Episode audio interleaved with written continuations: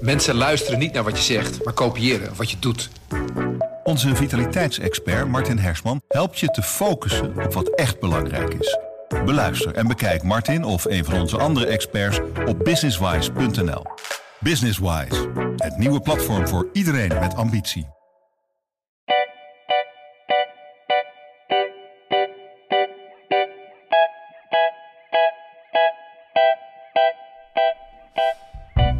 Goedendag en fijn dat u luistert naar 2021, de nabespreking. Een nieuwe podcast van de Volkskrant.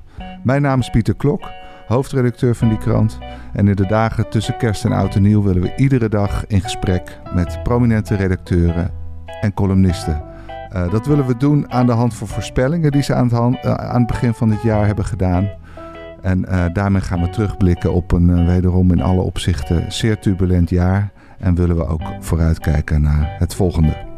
Mijn eerste gast is columnist Shaila Sital Singh, die drie keer per week op onze pagina 2 uh, uh, vooral ook het kabinet de maat neemt, maar zich uitspreekt over alle maatschappelijke kwesties. Als tweede uh, komt economieredacteur Koen Hagens hier langs, die uitlegt hoe erg het nou is, die inflatie. En ja, hoe het verder gaat met de economie. Als derde komt Mr. Corona, of althans Mr. Corona in Journalistiek Nederland, Maarten Keulemans op bezoek. Die gaat uitleggen wat, ons, ja, wat we nou precies hebben meegemaakt het afgelopen jaar en wat ons nog te wachten staat. En als laatste, uh, we sluiten deze serie af met onze China-correspondent Leen Vervaken.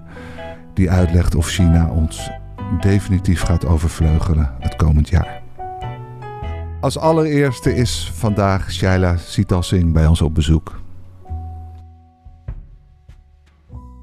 Normaal gesproken hebben we hier ook nog Gijs Groenteman bij. Dat doen we de Kamer van Klok. En Raoul Dupré op de achter, achtergrond. Um, is ook een beetje onze encyclopediegesprekken. Nu zijn we op ons twee aangewezen. Ik hoop maar dat het goed afloopt. Nee, ik hoop het ook. Uh, we gaan vandaag terugkijken op het afgelopen jaar. Uh, dat doen we aan de hand van een fragment uit een interview wat Shaila vorig jaar al heeft gegeven. Ja, begin dit jaar was het. Of begin dit jaar. Ja. Uh, waarin ze haar voorspellingen uitsprak voor 2021.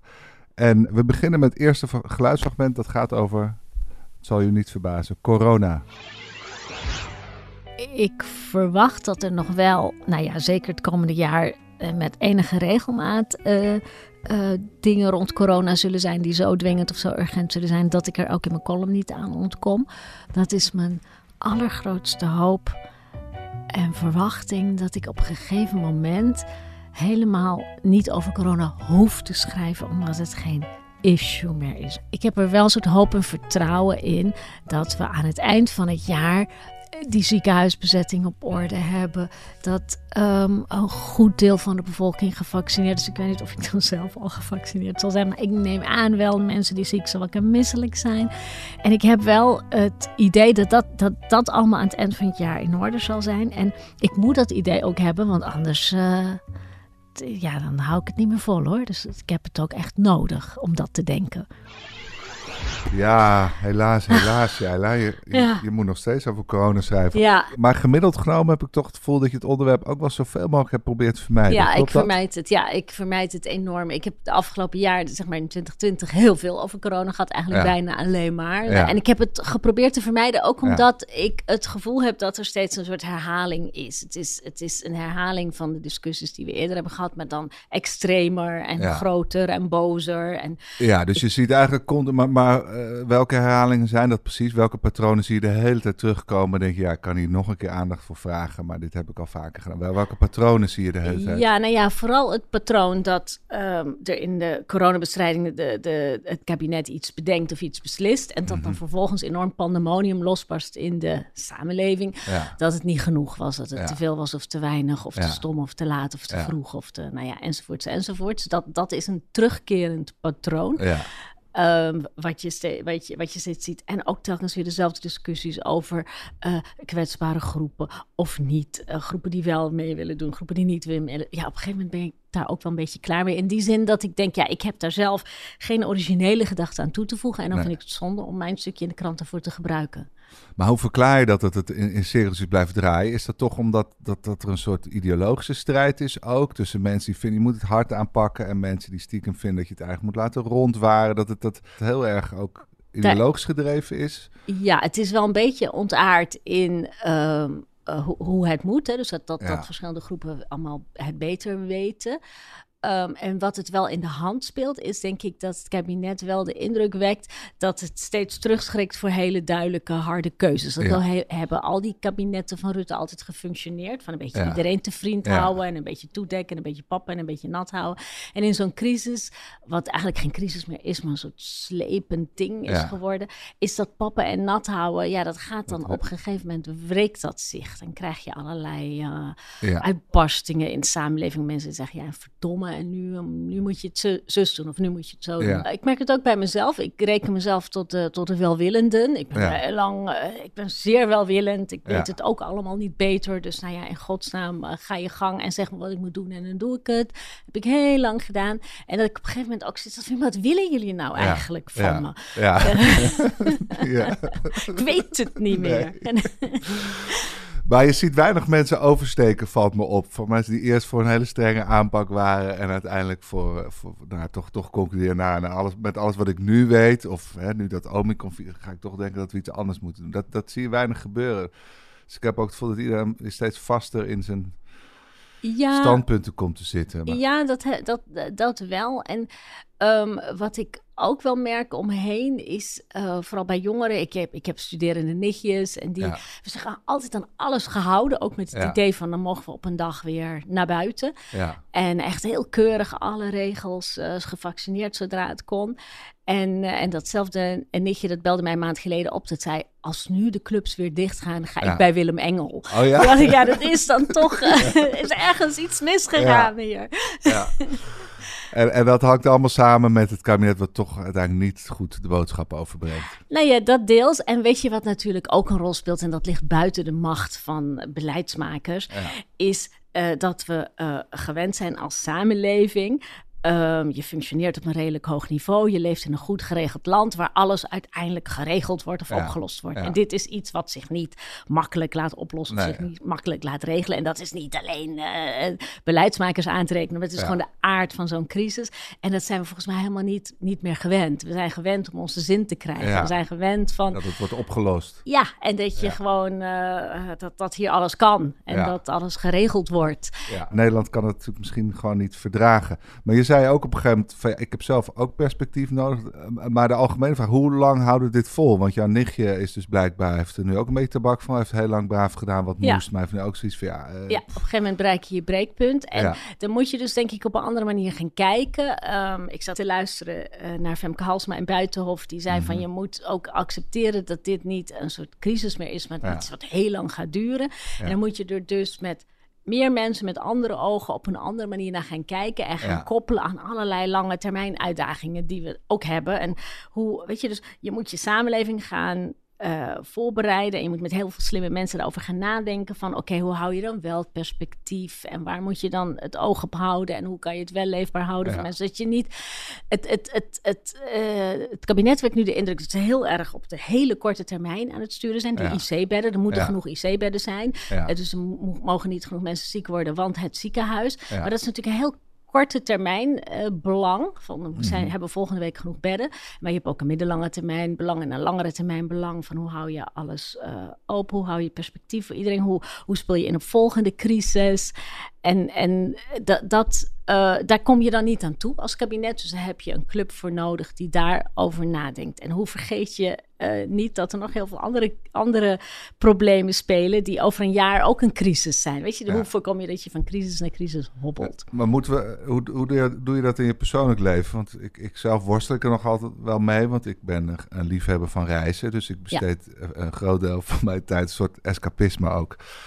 Dat je gaat fantaseren over reizen die je gaat maken in de zomer. En, Ja. en, eh, en, en, ik, en ik merk van ja, dat, dat, dat kan eigenlijk niet meer. Want alles is voorwaardelijk. En dan heb je weer een reis geboekt. denk je, ja, maar waarschijnlijk kan het toch weer niet doorgaan. Dus, dus toen dacht ik van ja, misschien moet ik me ook een keer in gaan stellen op, op, op ja, een soort ander leven. Dat, je- dat, je ander, dat je anders vooruit kijkt of dat je gewoon helemaal anders naar je eigen leven kijkt. Eh, eh, heb jij dat ook? Je bent volgens mij Ja. deze zomer niet op vakantie gegaan. Eh, Eh, nou ja, wel naar Zeeland, maar dus dat is ook vakantie natuurlijk, maar ander soort vakantie. Ik leer daarbij best wel veel van mijn kinderen. Ik heb twee opgroeiende eh, tieners, eh, echt in die, in die puberleeftijd, dat eh, ni- niks, niks boeit en tegelijkertijd eh, alles, al, al- alles toch wel heel belangrijk is, waarvan ik denk, Ja. oh. En, en dan zeg ik tegen hun, we, we zouden eigenlijk een grote reis maken het afgelopen jaar. We waren van plan om naar Japan te vliegen. En zei ik, ja, eh, jongens, dat gaat dan misschien niet door. Dus dat ging dan heel voorzichtig zo inkleden. En het gaat waarschijnlijk ook in 2022 niet lukken. En hoe vertel ik dat? En dan zeiden ze allebei, oh, maar dat geeft toch helemaal niet. Die vonden Zeeland net zo leuk. ja. En dan, dus daar, daar leer ik ook wel weer van dat het ook prima is om, eh, om, om, om niet hele grote plannen te maken. Dus Ja. eh, ehm, die maken het niet heel existentieel meteen. Gewoon van Nee. luisteren, nou, komende week blijkbaar lockdown weer. Eh, nou, dan moeten we iets anders leuks doen. Ja, precies. Ja. En ik maak het veel groter, want ehm, voor, hun, voor hun schooltijd is heel anders dan de mijne, omdat vrijwel alles is afgelast. Schoolkamp, eh, musical, musical groep 8 was al afgelast. Schoolfeesten, alles is zo ongeveer afgelast. Wat, wat, wat ik me nog kan herinneren van mijn schooltijd, Ja. wat het leuk maakte.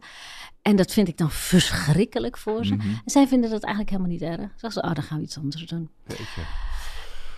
Ja, daar kan ik ook wel wat van leren. Maar als je jezelf nu terug hoort, eh, is het je dan achteraf meegevallen het afgelopen jaar of tegengevallen? Ehm, het is me in die zin eh, meegevallen dat ik sneller gevaccineerd was dan ik dacht op het moment dat we dit eh, gesprek hadden. Toen was het nog heel onduidelijk. Ik vond de zomer was echt wel leuk. Ik had wel echt een gevoel van, nou ja, weet je jongens, we zijn eruit aan het komen. En op een gegeven moment stond ik ook nog echt bij een soort klein concertje te dansen. Dat kon plotseling allemaal en daar kon je enorm van genieten. en er heerlijk. waren we plotseling allerlei dingen mogelijk. Ik ben naar allerlei theatervoorstellingen geweest in september. Dus ik vond het eigenlijk heel, heel fijn. Het is een grote teleurstelling dat nu toch weer die besmettingen oplopen. Maar ik vind het werkbaarder en haalbaarder en doenbaarder dan het vorig jaar was. Toen we in die avondklok zaten.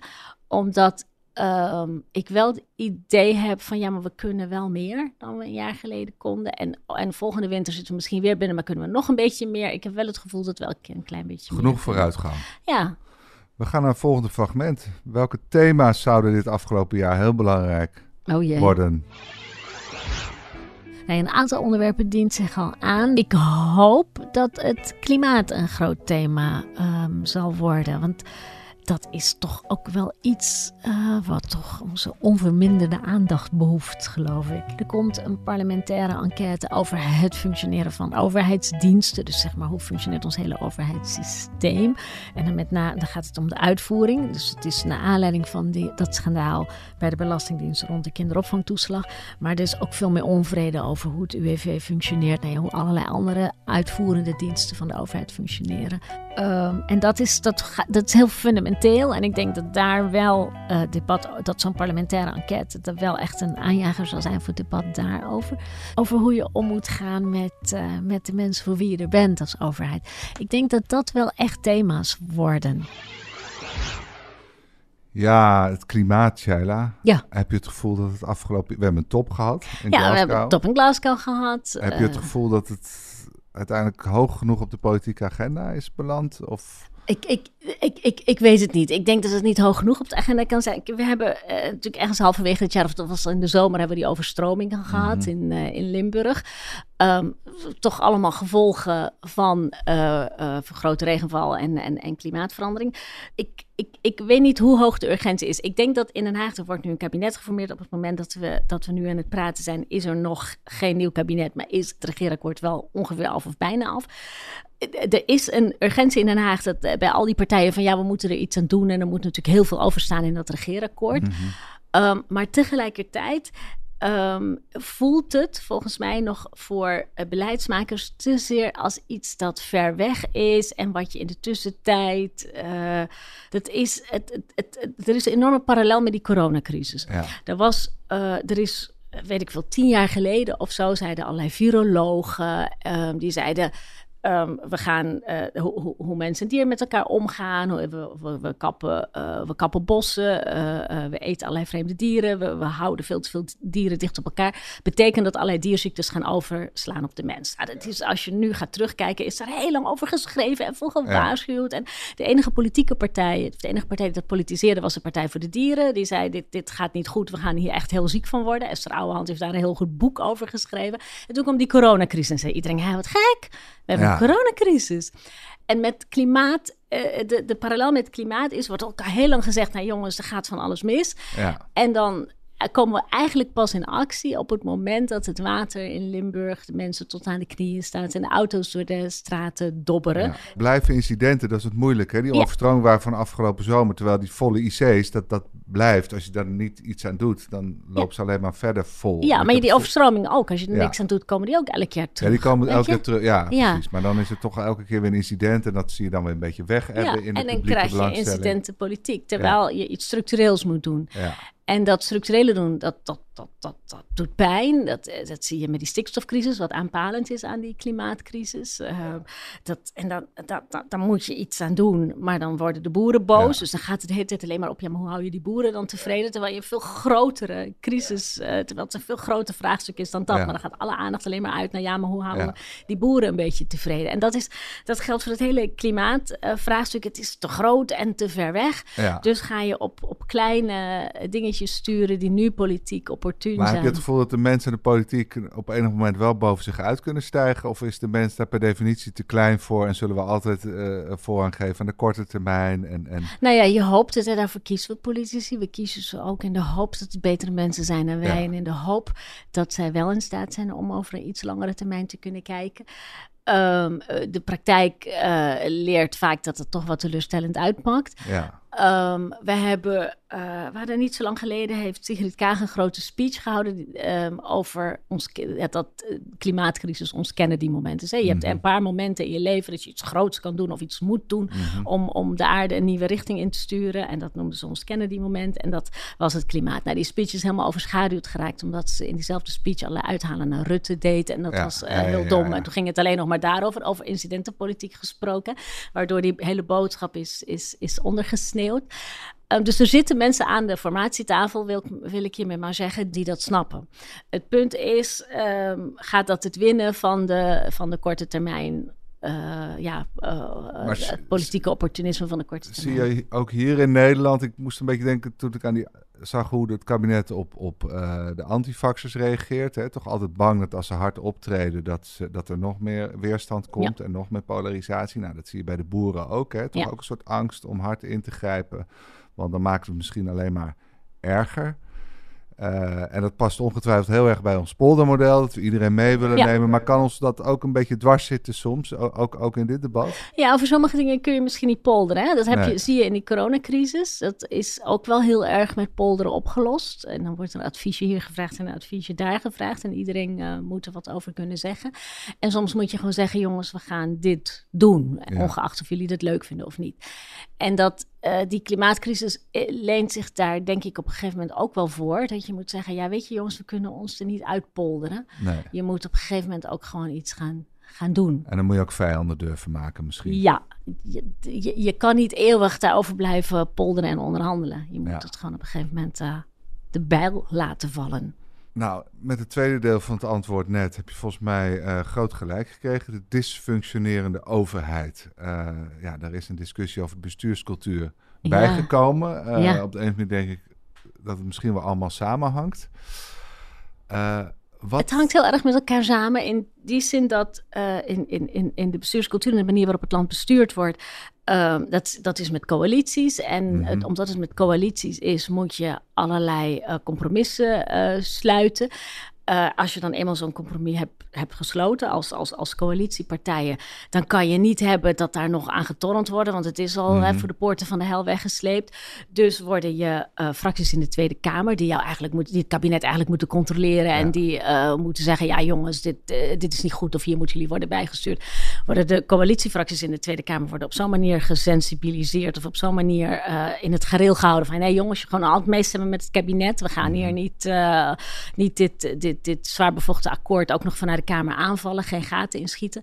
Waardoor de oppositie, die per definitie in de minderheid zit, niks in de melk te brokkelen heeft. Waardoor wat er dus bedacht is, een soort compromis wordt ook uitgevoerd. Dat is vaak onwerkbaar, omdat het een compromis is. Omdat jij zegt, ja, maar ik wil de boeren sparen. En ik zeg, ja, maar ik wil, uh, ik wil ook nog de, de, de, andere type sparen. En hij wil, de, hij, wil ze, hij wil ze aanpakken. En dan komt er iets uit wat niet werkbaar is. En zo'n Tweede Kamer ziet dat. Die zegt, ja, maar dat is eigenlijk helemaal niet werkbaar. Dit kun je op deze manier helemaal niet in de praktijk gaan uitrollen. Deze wetten gaan niet werken. Maar ja, die mogen dat niet zeggen. Want uh, de, de, de, de coalitiepartijen gaan gewoon, scharen zich gewoon achter het kabinet. Dus wordt er slechte wetgeving ingevoerd. Mhm. nou, voordat je slechte wetgeving ingevoerd, moet je in Nederland moet je dat eerst toetsen bij zo'n uitvoeringsorganisatie. Dus bijvoorbeeld, je hebt iets in de sociale zekerheid bedacht, mhm. waarvan iedereen aan die tafel al weet, ja, dit is, dit is wel een leuk politiek compromis. Mhm. En, en hier, dit kunnen we best uitleggen op tv, maar in de praktijk gaat het niet werken. Maar goed, dan ga je dat dus aan het UWV vragen. En dan zeggen ze bij het UWV, ja, nee, maar dit gaat niet werken in de praktijk.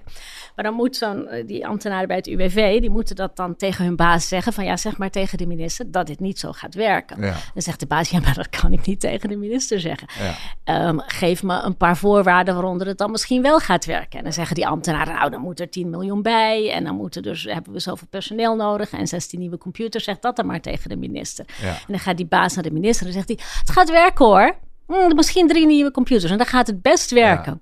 En dus zo wordt, het, wordt die, uh, die informatie van de werkvloer van ja, we kunnen helemaal niet werken met deze wetten. Dat wordt naar boven toe wetgewassen. De minister kan in de Tweede Kamer zeggen, geen enkel probleem, we kunnen het gewoon invoeren. De Tweede Kamer hoort natuurlijk ook uit de samenleving allemaal signalen van ja, het gaat niet werken. Maar ja, die, uh, de, de, dat is dan, de oppositie is in de minderheid, dus die, die, die kan dan wel wat schreeuwen, maar die krijgt zijn zin niet. De coalitie weet het heus ook wel. Maar ja, die hebben net afgesproken, we gaan, uh, we, gaan we houden de gelederen gesloten. Dus wordt er slechte wetgeving ingevoerd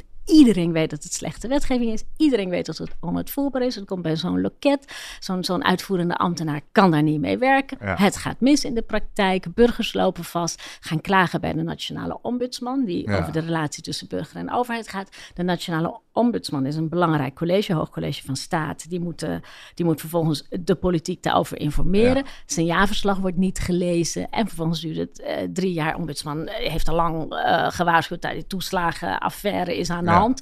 Drie jaar later roept de Tweede Kamer de ombudsman. En de Kamer zegt, waarom wisten wij dat niet van die toeslagenaffaire? Zegt de ombudsman, waarom beginnen jullie niet mijn jaarverslagen te lezen? Dus het is een ja. maar Nederland een notendop wat er aan de hand nou, is. Perfecte samenvatting mag ik wel zeggen. Uh, maar Nederland is al heel lang een coalitieland. Ja. Uh, het is wel erger geworden misschien doordat de, uh, nou, de Kamer meer versplinterd is geraakt. Er zijn meer partijen, dus het spel is ingewikkelder geworden. Maar waarom is dit de afgelopen jaren dan zo misgegaan? Ja, het is al heel lang een klacht. Hè? Weet je, iemand als Cenk Willink, die is inmiddels 100 en die, die roept dat al als een halve leven. Uh, die, die heeft ook gelijk gekregen. Dus het, het wordt mhm. al heel lang gezegd van ja, die dichtgetimmerde uh, coalitieakkoorden, partijakkoorden, dat, uh, dat, dat werkte allemaal niet het is niet de eerste keer dat het misgaat in de uitvoering. We moeten niet vergeten dat Pim Fortuyn, die is heel mhm. populair geworden. Niet alleen omdat hij allerlei lelijke dingen over moslims zei. Pim Fortuyn is vooral heel populair geworden omdat hij uh, week in, week uit in het weekblad Elsevier, waar hij een column had, kritiek leverde op het functioneren van de overheid. En dat was onder Paas. Uh, toen was iedereen in de band van marktwerking, en mm new, new, public uh, government, dus dat, dat, dat, dat de overheid als een soort bedrijf ging werken, functioneerde niet. En Pim Fortuyn legde daar heel erg de vinger op de zere plek. Dat is de manier waarop hij groot is geworden en populair is geworden. En toen kwam die islamkritiek erbij en toen werd hij heel groot.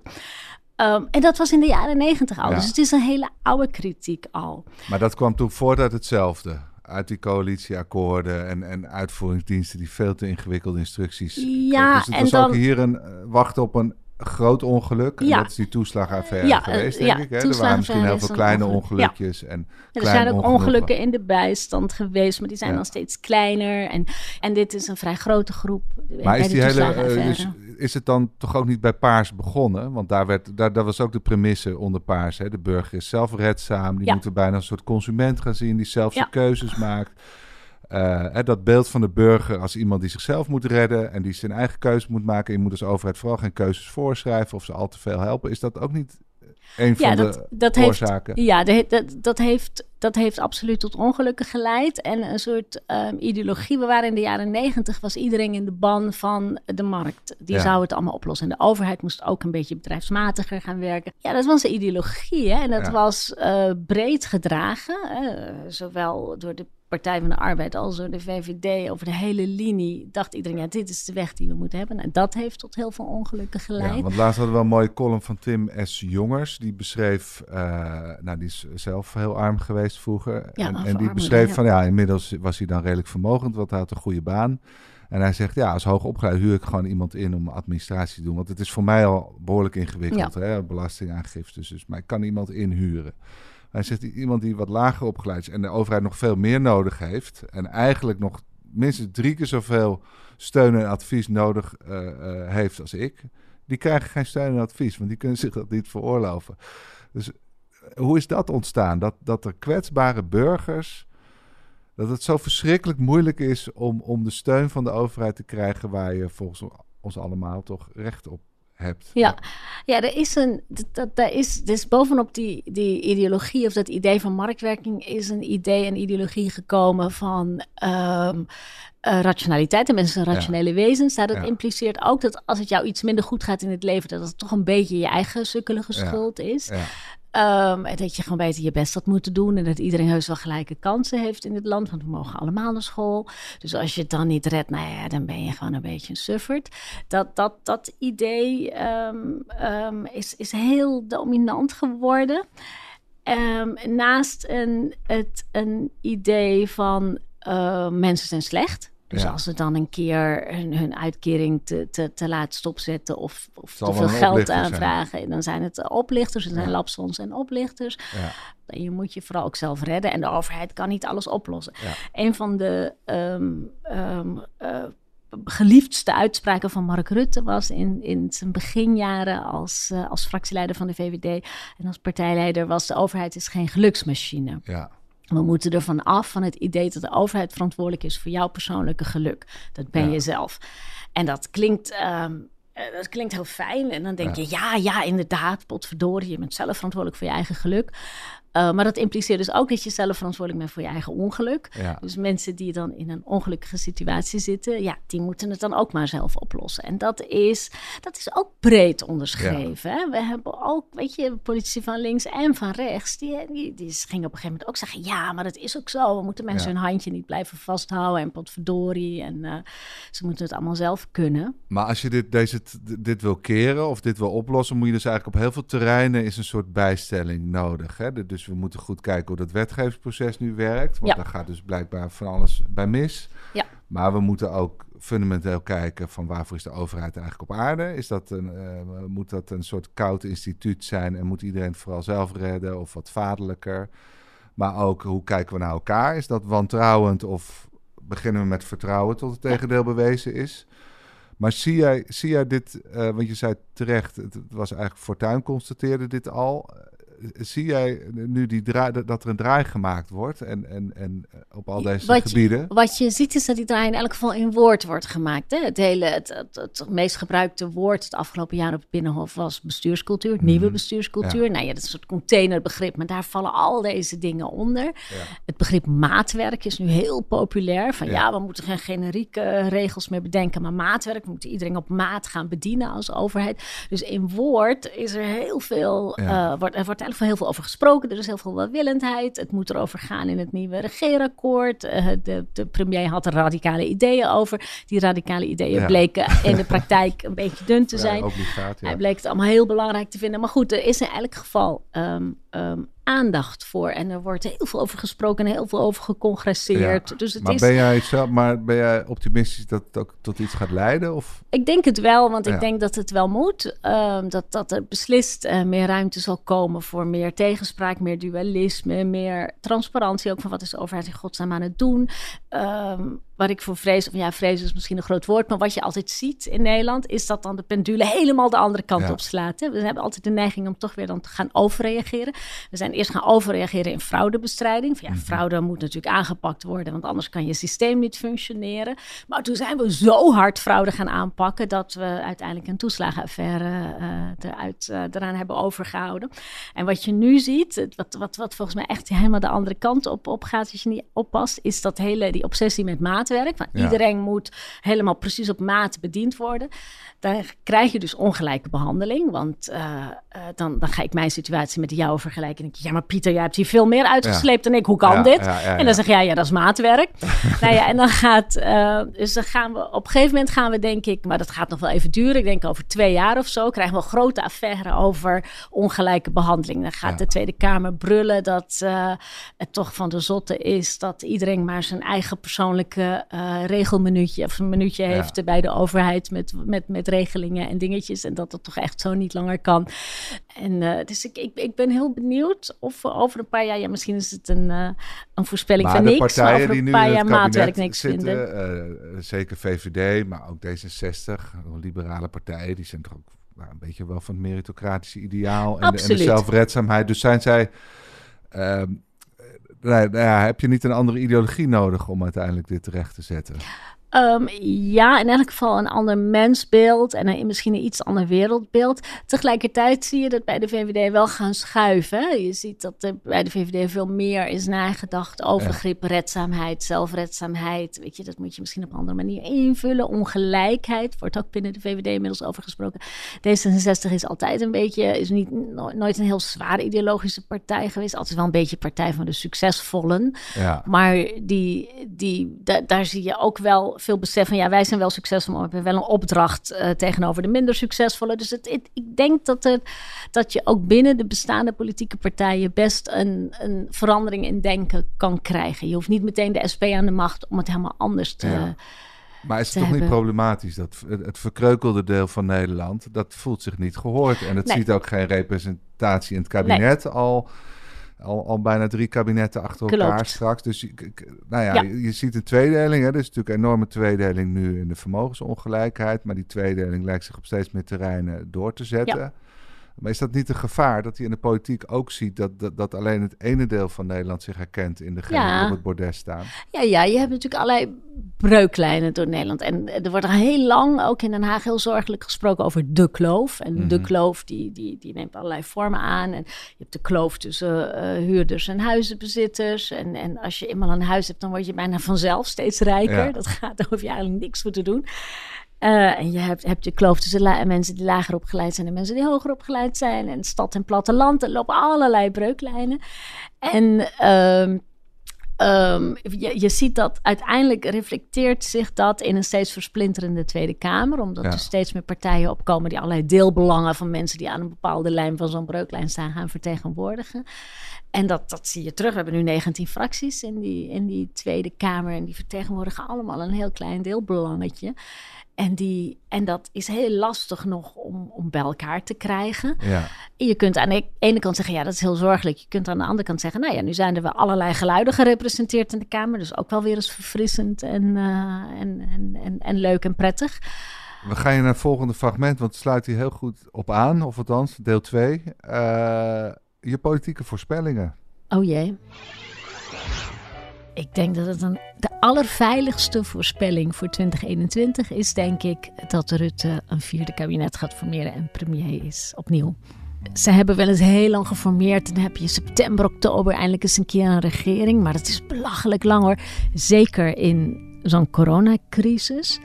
Ik denk dat ze snel een nieuwe regering gaan hebben. Ik denk het omdat um, de uitslag van de verkiezingen zodanig zal zijn dat het evident is dat de VVD de grootste is, dat het evident is dat Rutte de premier wordt en dat zij de voortouw gaan, het voortouw gaan nemen bij het vormen van een uh, coalitie. Ik denk dat het evident is dat het CDA zal meedoen en dan is het niet zo heel ingewikkeld om er nog één of twee bij te halen. Uh, VVD, CDA en die zullen dan afhankelijk van de uitkomst één of twee partners nodig hebben. Waarschijnlijk toch twee.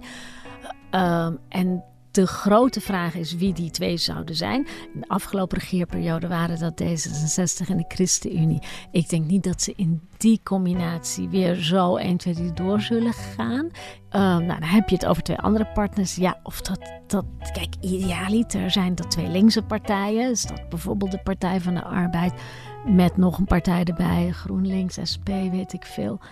Um, ik weet niet hoe waarschijnlijk dat zal zijn. Ik, ik, ik weet niet of de VVD twee linkse partijen in een coalitie wil hebben. Dus ik, ik, ik ben bang dat er niet heel veel verandering in zal zitten. De kiezer is gewoon deze keer niet zo revolutionair, niet zo veranderingsgezind. Um, ja, heel erg uh, toch conservatief in zijn keuzes, ben ik bang. Ja, Shaila, nou, één voorspelling is in ieder geval helemaal, uitgekomen. Of althans, zoals het er nu naar uitziet. Uh, Mark Rutte gaat een uh, nieuw kabinet uh, formeren. Verder heeft het, vond je het al belachelijk lang als tot september en, of oktober zou duren. Um, nou goed, we weten allemaal wel een beetje hoe dat gekomen is. maar wat is het belangrijkste wat je hebt geleerd het afgelopen jaar, kijkend naar die hele formatie? Wat, wat is jou nou het meest opgevallen? Dat je, dat je Um, nou ja, dat je dat events, events, dear mm events, um, dat, dat... Een beroemd citaat van Harold Macmillan of zo. Even opzoeken. Britse premier ooit, ja. Dat dat um, dat, dat, dat, je daar, dat je dat natuurlijk nooit kan voorspellen. Het gesprek was voor de verkiezingen, een, een, een, stukje voor de verkiezingen. Nou ja, eh, wie had ooit kunnen denken dat Kajsa Ollongren met zo'n briefje naar buiten zou lopen... waarna we een enorme uh, vertrouwenscrisis zouden krijgen in Den Haag zelf. Uh, Niettemin is het netto-resultaat van dat hele jaar toch een beetje wat ik zei. Namelijk, Rutte krijgt gewoon een vierde kabinet. Het CDA doet mee en twee linkse partijen waren onacceptabel. Dus we komen toch min of meer uit in dezelfde samenstelling als we hadden. En het uh, duurde wel langer dan ik had gedacht. nou ja, dat kwam natuurlijk ook door dat event. Events, ja. Um, maar hier uh, leek je ook nog redelijk gelaten toen had, nou ja, het wordt gewoon weer Rutte. Ja. En uh, nou, in je columns de afgelopen jaar toon je ook wel vaak wat minder gelaten. Dat je het eigenlijk wel verbijsterend vond dat, ja. dat Rutte weer doorging. Waar, waar, waar zit voor jou de omslag persoonlijk? Dat je dacht van misschien is het toch geen goed idee of moet ik hier harder tegen ageren? Ja, de omslag zat denk ik op twee punten. Uh, de eerste uh, was toch de, het ontrafelen van het toeslagenschandaal omdat ik denk, ja, weet je, Rutte zegt dan van ja, ik, ik ben daar niet persoonlijk voor verantwoordelijk. Uh, ik, ik ben ook maar een soort, uh, een soort uh, concierge, doet hij mm -hmm. bijna, alsof hij dat is. En, uh, maar tegelijkertijd, ja, je staat wel, je, je, je, staat wel aan het hoofd van die bestuurscultuur. Je hebt dat, dat tien jaar lang gedaan. Je, mm -hmm. Het is, weet je, uiteindelijk ben jij toch de belichaming van alles wat er niet goed is gegaan in die overheid. Ja. En die toeslagenaffaire is echt, nou ja, de, de uitkomst van een heel proces waar, waar we het net, net over hebben gehad. Over alles wat er niet, niet goed is in zo'n toeslagenaffaire. Ja, je bent, of in zo'n, in zo'n bestuurscultuur. En je bent daar als premier gewoon uiteindelijk wel het boegbeeld van. Ja. Dus ik vind dat, dat je dan moet wisselen. En het uh, uh, tweede element, um, waardoor ik denk, ja, je moet uh, Mark Rutte wisselen, is omdat, nou ja, jij hint er net al een beetje op, er moeten grote veranderingen ook komen in de manier waarop we naar mensen kijken, de manier waarop mm. wat ons mensbeeld en ons wereldbeeld is. Dus een andere ideologie eigenlijk. Dus het zou denk ik heel fijn zijn als je een, een leider had die uit die die anders ideologisch gepokt en gemazeld is en een andere ja. stroming komt. Om, die is met een wat andere blik kan kijken naar de wereld en naar het land en naar uh, hoe mensen met elkaar zouden moeten samenleven. Uh, dus om die reden ook zou het uh, heel prettig zijn. Ja. Maar dat, dat, dat is, nou, daar zou je een dilemma kunnen zien. Want tegelijkertijd bij een redelijk versplinterd, versplinterde Tweede Kamer, hè, waar, waar de hele ingewikkelde coalities moeten worden gesmeed. Nou, waar je ook enorm veel uithoudingsvermogen moet hebben, volgens mij, zeker, nu die coronacrisis erbij komt. Kun je ook het gevoel hebben als burger van ja, misschien is dit wat de enige premier die het nog volhoudt in de huidige situatie. Een beetje nou ja, iemand die, die, die snel uh, uh, meebuigt met de wind die er toevallig waait. Die altijd bereid is om, om uh, weer een hele andere hoek om te slaan. Ja, als iedereen moet. kan verenigen enzovoorts. Maar weet je, tegelijkertijd... Kijk, kiezers zijn van nature conservatief en bang voor verandering. Ja. Je kiest voor wat je kent. En wat je kent, dat is uh, Mark Rutte. En nou ja, dat, dat ging toch best tot nu toe in de coronacrisis. Dus we kiezen daar gewoon nog een keer voor.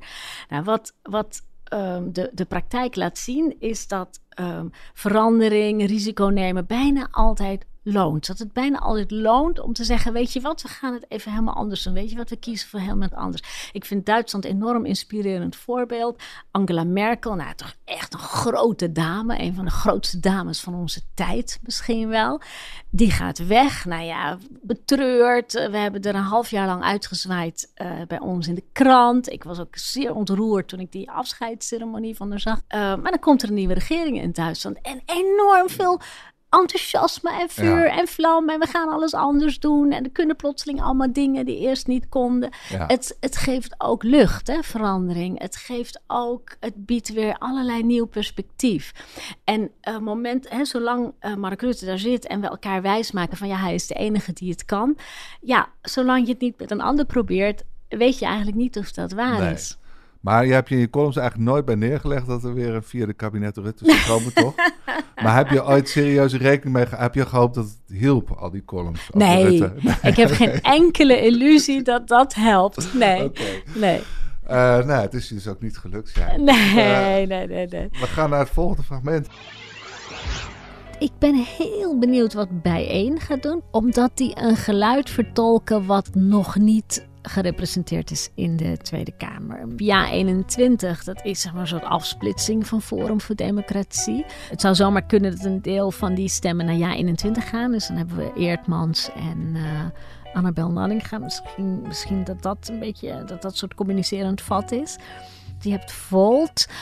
Uh, dat is een heel pro-Europese partij. Het is zelfs een pan-Europese partij. Ze, hebben, ze, ze, ze, ze, bestaan in meerdere Europese landen. Dat is ook hun filosofie. Wat ik heel interessant vind. Ik, ik, ik weet niet of het iets is wat heel erg aan zal slaan bij het Nederlandse electoraat. Ik ben er heel nieuwsgierig naar. Uh, maar ik denk dat Volt-kiezers en D66-kiezers... dat dat een beetje dezelfde hoek is. En dat dat... Um, ja, als D66 wat groter wordt, dat Volt dat toch niet gaat redden. En verder van de nieuwkomers, ik zie ik er niet echt eentje er heel erg uit poppen. Wat voor werk doet Hugo de Jonge? Ja, hij is dan geen politicus meer, want hij staat niet op de lijst voor het CDA. Dus hij wordt niet herkozen. Ik denk dat hij geen minister meer wordt. Uh, wat we weten is dat um, de uh, binnen de, de politieke kasten, als ik het even zo mag noemen, en zeker binnen het CDA, mensen heel goed voor elkaar zorgen. They take care of their own. Dus hij krijgt ongetwijfeld een leuke baan. Iets wat hij leuk vindt, iets wat maatschappelijk leuk is, en iets waar hij voldoende inkomen uithaalt, en iets waar hij voldoende status uithaalt. En ik weet niet wat hij leuk vindt, maar het zal ongetwijfeld iets zijn waar, hij, waar je hele leuke schoenen aan kan elke dag. Ik vraag me wel af of we Baudet um, nog veel gaan terugzien. In die zin, um, hij is ook wel, ook bij mensen die hem nog heel lang hebben gesteund, die fan waren, die hem geld hebben gegeven, die op hem hebben gestemd, is hij toch door de mand gevallen als, nou ja, hij is gewoon eigenlijk niet helemaal goed, goed wijs of zo. Het is gewoon, het is gewoon een hele rare man, echt heel raar. Uh, en ik denk te raar. Een vrouwelijke premier, ja, dat is echt mijn droom. Ja, niet per se omdat het een vrouw is, maar gewoon omdat we, echt iets anders hebben en echt eens kunnen testen in de praktijk. Leidt dit nou tot heel ander beleid? Dus het is wel echt uh, iets waar je me wakker voor kan maken. Ik denk dat het er in 2021 nog niet in zit, uh, maar het wordt wel tijd. En um, wie weet krijgen we een Rutte 4 dat heel snel valt. Zou zomaar kunnen. Hele slechte uitkomst van parlementaire enquête. Iedereen moet aftreden. En in Nederland is het eindelijk spuugzat. En dan zetten we een vrouw neer.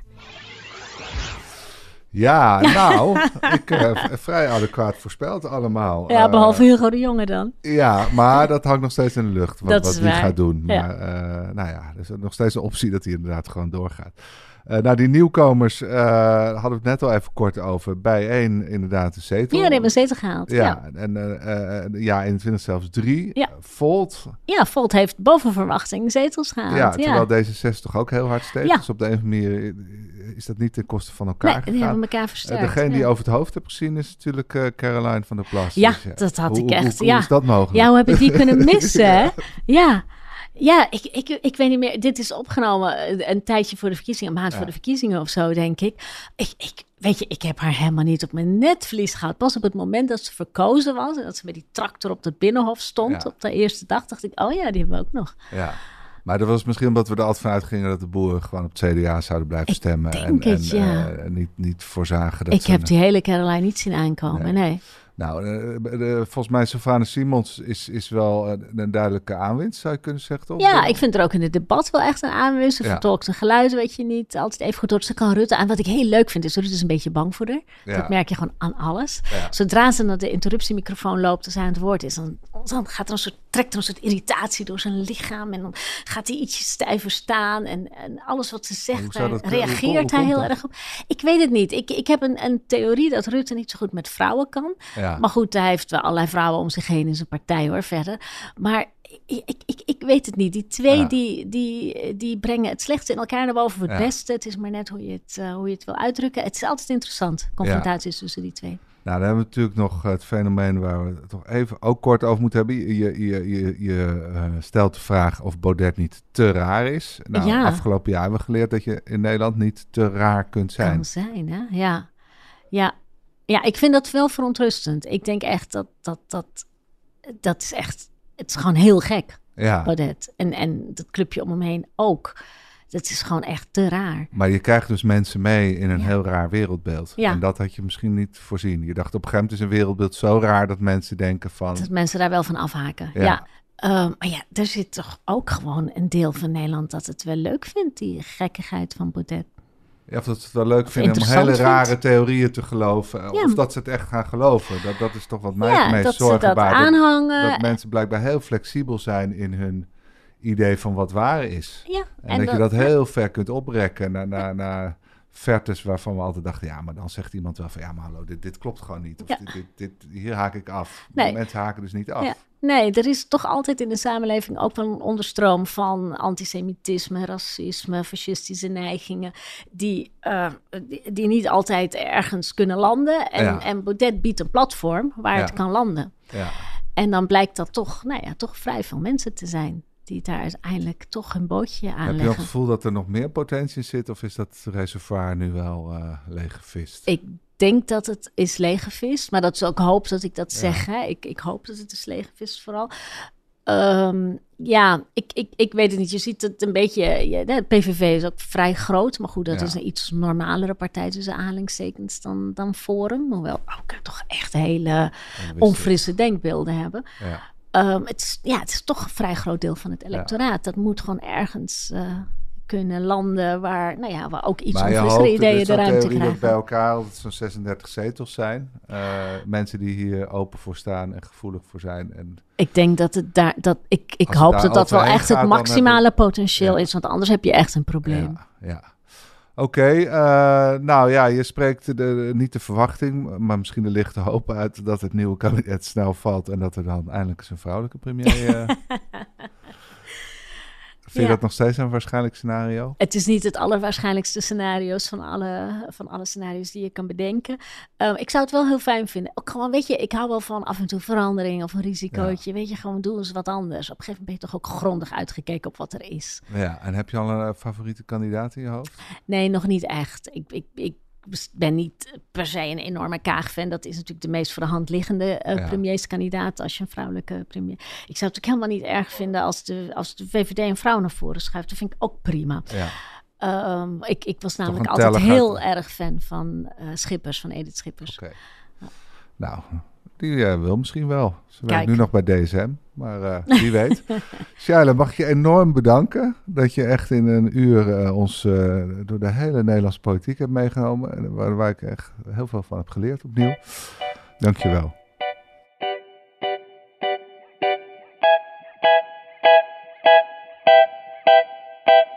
Zeer bedankt voor het luisteren.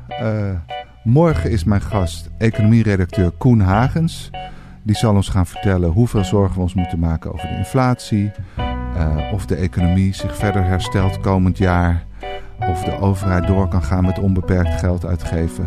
Allemaal vragen die voor ons dagelijks leven natuurlijk van enorm belang zijn. Dus ik hoop van harte dat u morgen weer luistert. De interviews werden eerder afgenomen begin dit jaar door Lotte Grimbergen, Simone Eleveld en Geert van der Pol. De eindredactie van al onze podcasts is in handen van Corine van Duin. En de montage en eindredactie van deze podcast was in de veilige handen van Tom van Rooyen. Een goede spreker herken je aan de QA aan het eind. Onze lifehack-expert Martijn Aslander geeft je adviezen waar je echt wat aan hebt. Beluister en bekijk Martijn of een van onze andere experts op businesswise.nl. Businesswise, het nieuwe platform voor iedereen met ambitie.